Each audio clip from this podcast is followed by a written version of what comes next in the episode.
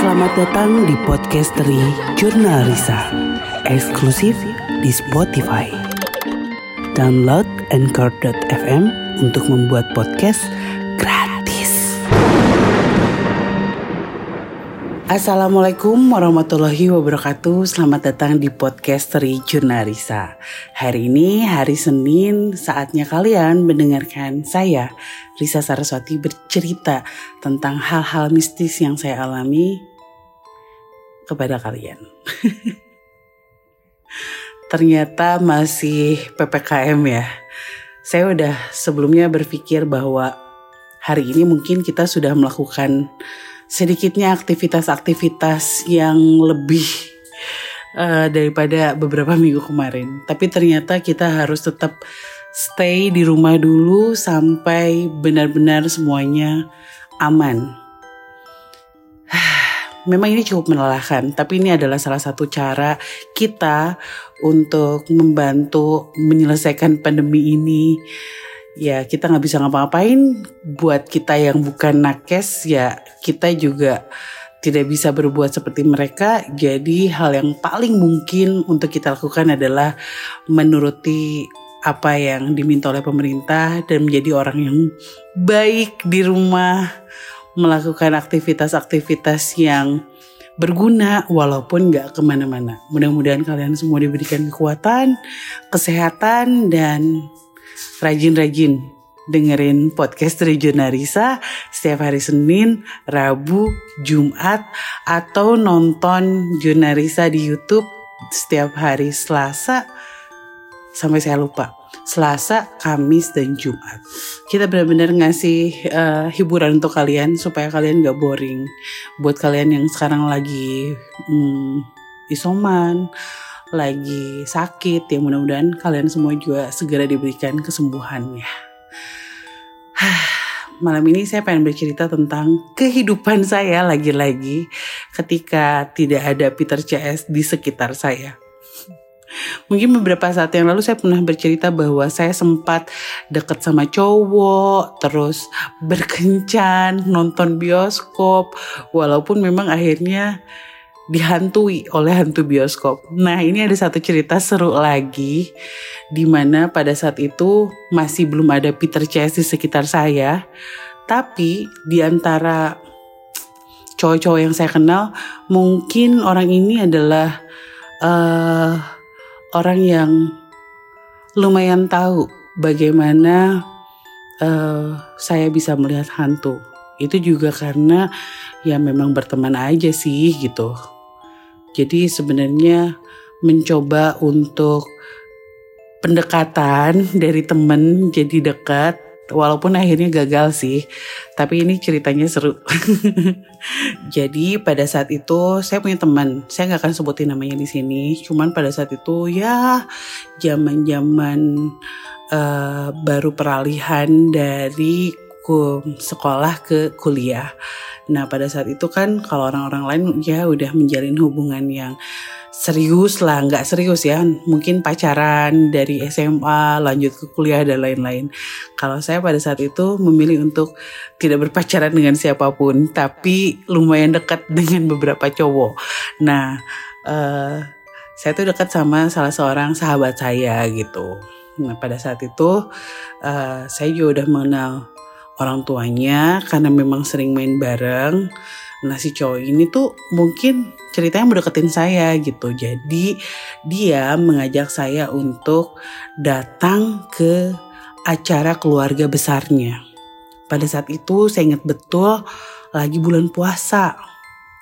Pokoknya saya udah mulai jauh-jauh deh melupakan tentang Peter CS gitu. Udah udah tidak terbersit gitu. Udahlah kayaknya udah terlalu lama juga kan dari SMP sekarang udah mau lulus udah lulus SMA bahkan mau masuk kuliah mau jadi mahasiswa mereka nggak muncul terus ya udah mau gimana lagi kan jadi pada saat itu saya udah hopeless lah saya udah mulai lupain mereka saya juga udah mulai terbiasa dengan kuntilanak terus hantu-hantu lainnya pokoknya selain-selain hantu-hantu Belanda yang saya kenal gitu. Jadi udah mulai terbiasa lah mata dan sikap saya. Nah pada saat itu si ah, saya nyebutnya apa ya? Sahabat mungkin ya.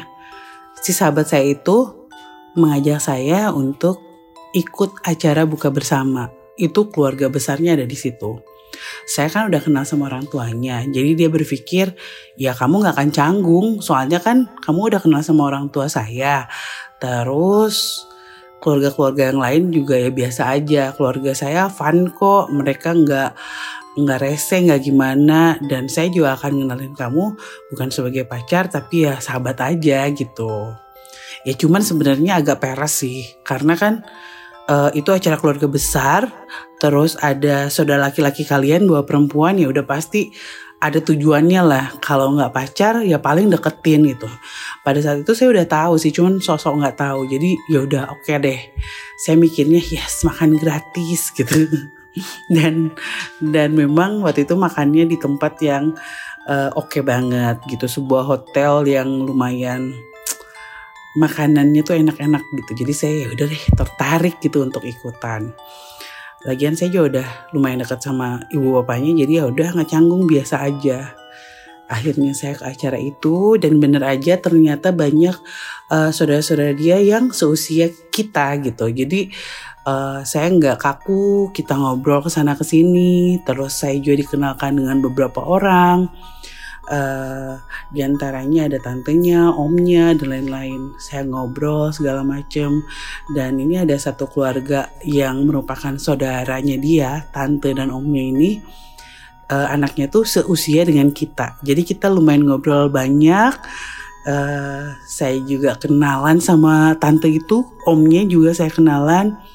Terus ngebahas kuliahnya dia di mana dan eh, saran-saran ketika nanti udah jadi mahasiswa gimana gimana gimana gimana. Jadi ceritanya saya kan belum masuk kampus kan jadi dikasih wejangan lah banyak. Ngobrolnya lumayan lama. Memang di antara om dan tante ini yang paling vokal ya tantenya. Omnya tuh cuman tipe-tipe bapak-bapak yang diem senyum gitu kan. Mendengarkan lah. Tapi nggak menggurui nggak ngasih petua atau apa pun jadi dia lebih ke diem. Nah pada saat itu keadaannya jadi lebur lah gitu. Saya merasa oh oke okay, bener ya ternyata nggak kaku terus kondisinya juga hangat makanannya enak dan uh, tidak ada obrolan-obrolan yang mengarah oh ini pacarnya ya oh, atau oh ini uh, siapanya si ini gitu. Jadi nggak ada kayak gitu. Emang beneran dianggap sebagai teman teman uh, keluarga mereka gitu. Jadi ya udah. Akhirnya uh, selesailah pertemuan hari itu. Nah udah nggak ada bahasan apa-apa tapi memang pada saat itu uh, masih intens karena teman SMA kan gitu. Jadi uh, ya biasa aja ketemu ketemu walaupun memang nggak pacaran tapi ya deket aja. Terus Udah gitu ceritanya habis bulan puasa itu kan lebaran. Nah, habis lebaran itu ternyata keluarga teman saya ini, sahabat saya ini ada agenda lagi untuk halal bihalal. Jadi dia nanya, eh Sa, kamu mau nggak ikut lagi ke kumpul-kumpul acara keluarga saya? Ah, lagi? Di mana? Di tempat yang sama, katanya gitu. Oh gitu, wah tapi menunya beda nggak ya? Karena kan agak bosen juga gitu ya. Pengen ke tempat yang sama tapi suasananya berbeda. Ya gak tahu mana gue tahu gitu. Terus ya udahlah. Ya udah deh oke. Okay. Karena memang lumayan mahal di situ. Jadi ya udah ayo. Lagian udah kenal juga kan sama anggota keluarganya. Jadi ya udah saya udah nggak mikir-mikir lagi gitu. Ya udah ayo ayo. Nah ternyata setelah uh, ngobrol janjian di detik-detik uh, hari H itu mau halal bihalal tiba-tiba si sobat saya tuh bilang eh ternyata pindah eh tempatnya. Oh gitu? Ke mana? Katanya ke hotel ini. Ah itu juga hotel yang oke ya udah. Gue mau. Ya udah. Akhirnya tetap jalan. Pergilah gitu ke sana dan say hi, salam-salaman, halal bihalal, ketawa-ketawa, makan dan lain-lain. Nah, tiba-tiba di sela acaranya udah berjalan tapi saya belum lihat nih sepupunya si sahabat saya ini yang waktu itu udah ngobrol soal kuliah dan lain-lain. Terus uh, eh ke mana sih ini? Gitu. Saya nggak akan sebutin nama sama sekali ya. Ke mana sih ini? Oh belum dateng katanya otw oh agak telat ya udahlah. Oh berarti nanti datang sama semuanya kan? Iya semuanya datang kok. Oh yang ada di kepala saya. Oh mungkin dia akan datang sama kakaknya karena memang ada kakaknya juga ibunya si tante itu dan bapaknya si om itu. Ya udah akhirnya telatnya agak lama nih. Jadi saya udah ngobrol ke sana ke sini sama yang lain. Sambil terus-terusan karena kan udah kehabisan obrolan kayaknya. Eh si ini mana kok nggak datang datang saya tanya sama sahabat saya. Oh, bentar lagi juga datang udah tungguin aja makan aja dulu yang banyak gitu ya udah. Lama lama lama lama. Akhirnya datang nih sepupunya sahabat saya ini. Dia datang cuman sama kakaknya dan ibunya. Terus salaman dia berkeliling semua salaman halal bihalal. Saya juga tidak memaksakan diri untuk langsung nyamperin mereka dan ngobrol karena mungkin uh, mereka akan lebih dulu ngobrol sama saudara-saudaranya sama ibunya si sahabat saya ini dulu. Uh, terus mereka ke sana ke sini dulu minggal dan akhirnya setelah mereka udah cukup lama ngobrol sana sini saya memberanikan diri untuk nyamperin karena merasa kenal kan gitu terus. Eh eh Risa ikut lagi? Iya nih tante. Hai salaman lah suntangan gitu terus. Sama si sepupunya sahabat saya ini juga salaman sama kakaknya juga gitu terus udah gitu. Ya saya pada saat itu nggak ngelihat si omnya nih. Papanya sepupunya sahabat saya ini. Eh tante om mana? Kok nggak ikut? Hmm, saya langsung celengak celinguk lihat kiri kanan dan memastikan kalau si omnya itu emang nggak ikut. Terus reaksi si tante, si sepupunya sahabat saya, dan kakaknya itu saling berpandangan. Terus matanya tuh kayak heran gitu. Dan tiba-tiba si sahabat saya ini yang ada di sebelah saya yang nemenin saya, tiba-tiba dia tuh kayak nyubit bagian punggung saya. Au, aduh apa sih? Kok nyubit segala? Nah pada saat dia nyubit, saya ngerasa sebel karena tiba-tiba dan kaget juga. Lalu saya balikan lagi wajah saya sama mereka. Itu jelas banget si tantenya tiba-tiba nangis. Nangis banget. Kaget banget kan? Loh, loh. Tadi perasaan biasa aja kok tiba-tiba nangis. Eh, tante, tante kenapa? Aduh, no, maafin, maafin. Kenapa, kenapa tante? Uh, saya bikin salah ya saya salah ya terus si tantenya tuh geleng-geleng kepala terus si sepupunya sahabat saya ini tuh ngeliatin saya sambil kesel gitu. Mukanya tuh kayak yang marah. Apa sih gitu? Seolah-olah saya tuh salah ngomong beneran. Kakaknya juga tiba-tiba jutek banget terus dia mencoba menjauhkan si tante atau ibu mereka dari saya sambil kayak nepuk-nepukin punggung loh. Kayak udah mah udah mah udah mah gitu. Itu saya beneran jadi makin bingung kan. Tiba-tiba sahabat saya ini narik saya keluar. Sini sini sini gitu saya dibawa keluar di situ ada semacam kolam gitu. Kolam ikan outdoor. Saya ditarik ke situ terus maksud kamu apa sa? Hah? gimana gimana? Maksudnya gimana? Emang saya salah ngomong ya? Iyalah salah ngomong. Ngapain kamu nanyain si omnya? Loh kenapa? Emang kenapa? Emang salah kan? Kan harusnya ada si omnya kan? Waktu pas buka puasa yang di hotel itu kan ada si omnya. Emang salah ya? Emang ada masalah apa? Itu saya benar-benar bingung saya nggak mikir aneh sama sekali. Jadi malah jadi debat gitu dan saya nggak terima karena saya ngerasa ya saya tidak melakukan hal yang salah. Terus tiba-tiba sahabat saya bilang gini Sa, lu tahu nggak dari yang saya kamu? Karena mungkin sebel karena mungkin malah jadi lu gue selalu tahu nggak?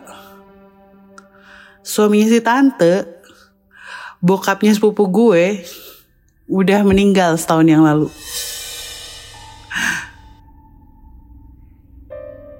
Itu langsung diem.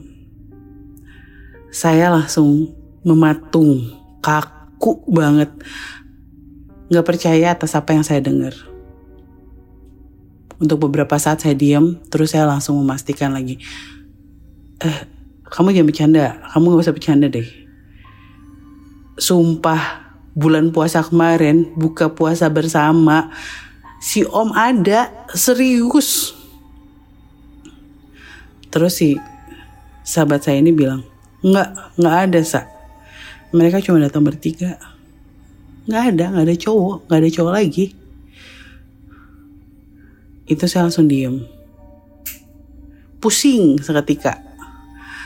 Terus si om yang ada di antara mereka jadi itu sebenarnya siapa? Ya nggak tahu. Jadi malah debat gitu. Jadi si sahabat saya itu langsung bilangnya nggak tahu. Ya lu lihat siapa. Akhirnya saya ceritain ciri-cirinya. Tubuhnya seperti ini, pakaiannya seperti ini, wajahnya seperti ini. Dia memang gak banyak bicara, tapi dia merhatiin obrolan kita. Dia terus tersenyum, memandangi orang-orang yang ada di sekeliling dia. Kayak ngangguk-ngangguk gitu ketika kita berbicara. Seolah-olah memang dia ada di dalam pembicaraan kita. Dia ikut dalam komunikasi kita gitu. Ketika saya jelasin, bagaimana cirinya, bagaimana sikapnya, itu sahabat saya langsung diem. Jadi yang tadinya marah banget, tiba-tiba sikapnya tuh sama kayak saya. Mematung gitu. Dia langsung diem dan dia bilang, shit, yang kamu omongin semuanya mirip banget sama almarhum. uh itu langsung merinding sebadan badan wah udah nggak tahu mau gimana lagi cuman yang pasti pada saat itu saya merasa nggak enak banget sumpah nggak enak banget dan mulai mewajarkan gitu kenapa sikap keluarganya itu tiba-tiba marah, kesal, dan bahkan menangis gitu. Wajar kalau ternyata yang saya lihat itu dan saya tanyakan, orangnya udah nggak ada, udah meninggal. Dan saya terlalu malu untuk minta maaf. Akhirnya pada saat itu, setelah debat, setelah bikin si sahabat saya itu diem, akhirnya saya memutuskan untuk pulang tanpa meminta izin dari keluarganya. Ah ini udah nggak bener gitu. Yang saya takutkan ini bahkan bisa jadi sesuatu yang membuat mereka lebih sedih. Saya takutnya apa yang saya lihat mereka nggak harapkan atau mungkin nantinya akan banyak pertanyaan yang mungkin ingin ditanyakan pada sosok laki-laki yang saya lihat itu. Yang mungkin adalah si om suaminya si tante. Jadi akhirnya saya putusin untuk pulang dan hubungannya tidak berhasil guys. tidak ada kelanjutan setelah itu. Tapi yang pasti setelah itu si sahabat saya ini bilang ya si tante minta maaf atas sikapnya tempo hari karena mungkin kematiannya belum satu tahun mungkin saja. Apalagi pada saat itu momennya adalah kumpul keluarga. Mungkin saja si om memang mendampinginya untuk berkumpul atau berada di tengah-tengah keluarga. Karena di tahun-tahun sebelumnya dia selalu ikut. Mungkin saja dia pada saat itu mendampingi. Dan untungnya mereka tidak menjudge saya sebagai seorang yang mengada-ngada karena saya beneran nggak tahu silsilah keluarga itu. Saya beneran nggak pernah kenal mereka sebelumnya, kecuali pada saat buka bersama, buka puasa bersama. Jadi pada saat itu ya udah keluarga itu meminta maaf atas sikapnya. Tapi saya juga justru balik nggak enak. Saya juga bilang saya yang minta maaf saya nggak peka. Karena pada saat itu benar-benar saya nggak bisa bedain itu orang atau bukan. Karena di mata saya beneran real. Bajunya sangat normal Roman wajahnya sangat normal, dia terlihat sangat baik, dia selalu tersenyum. Dan saya menceritakan itu lagi, saya ceritain. Dia tersenyum, dia mengangguk-ngangguk ketika kita sedang berbicara. Dia juga menunjukkan gestur yang baik-baik saja. Dan saya bilang, ya mudah-mudahan pada saat itu, pada hari itu dia hanya datang untuk bersilaturahmi. Dan kebetulan saya lihat Gak tahu ya. Ini benar atau enggak tapi ya mereka bilang alhamdulillah. Kalau kamu ngelihatnya dalam keadaan baik-baik saja. Kita ikhlas, kita tenang.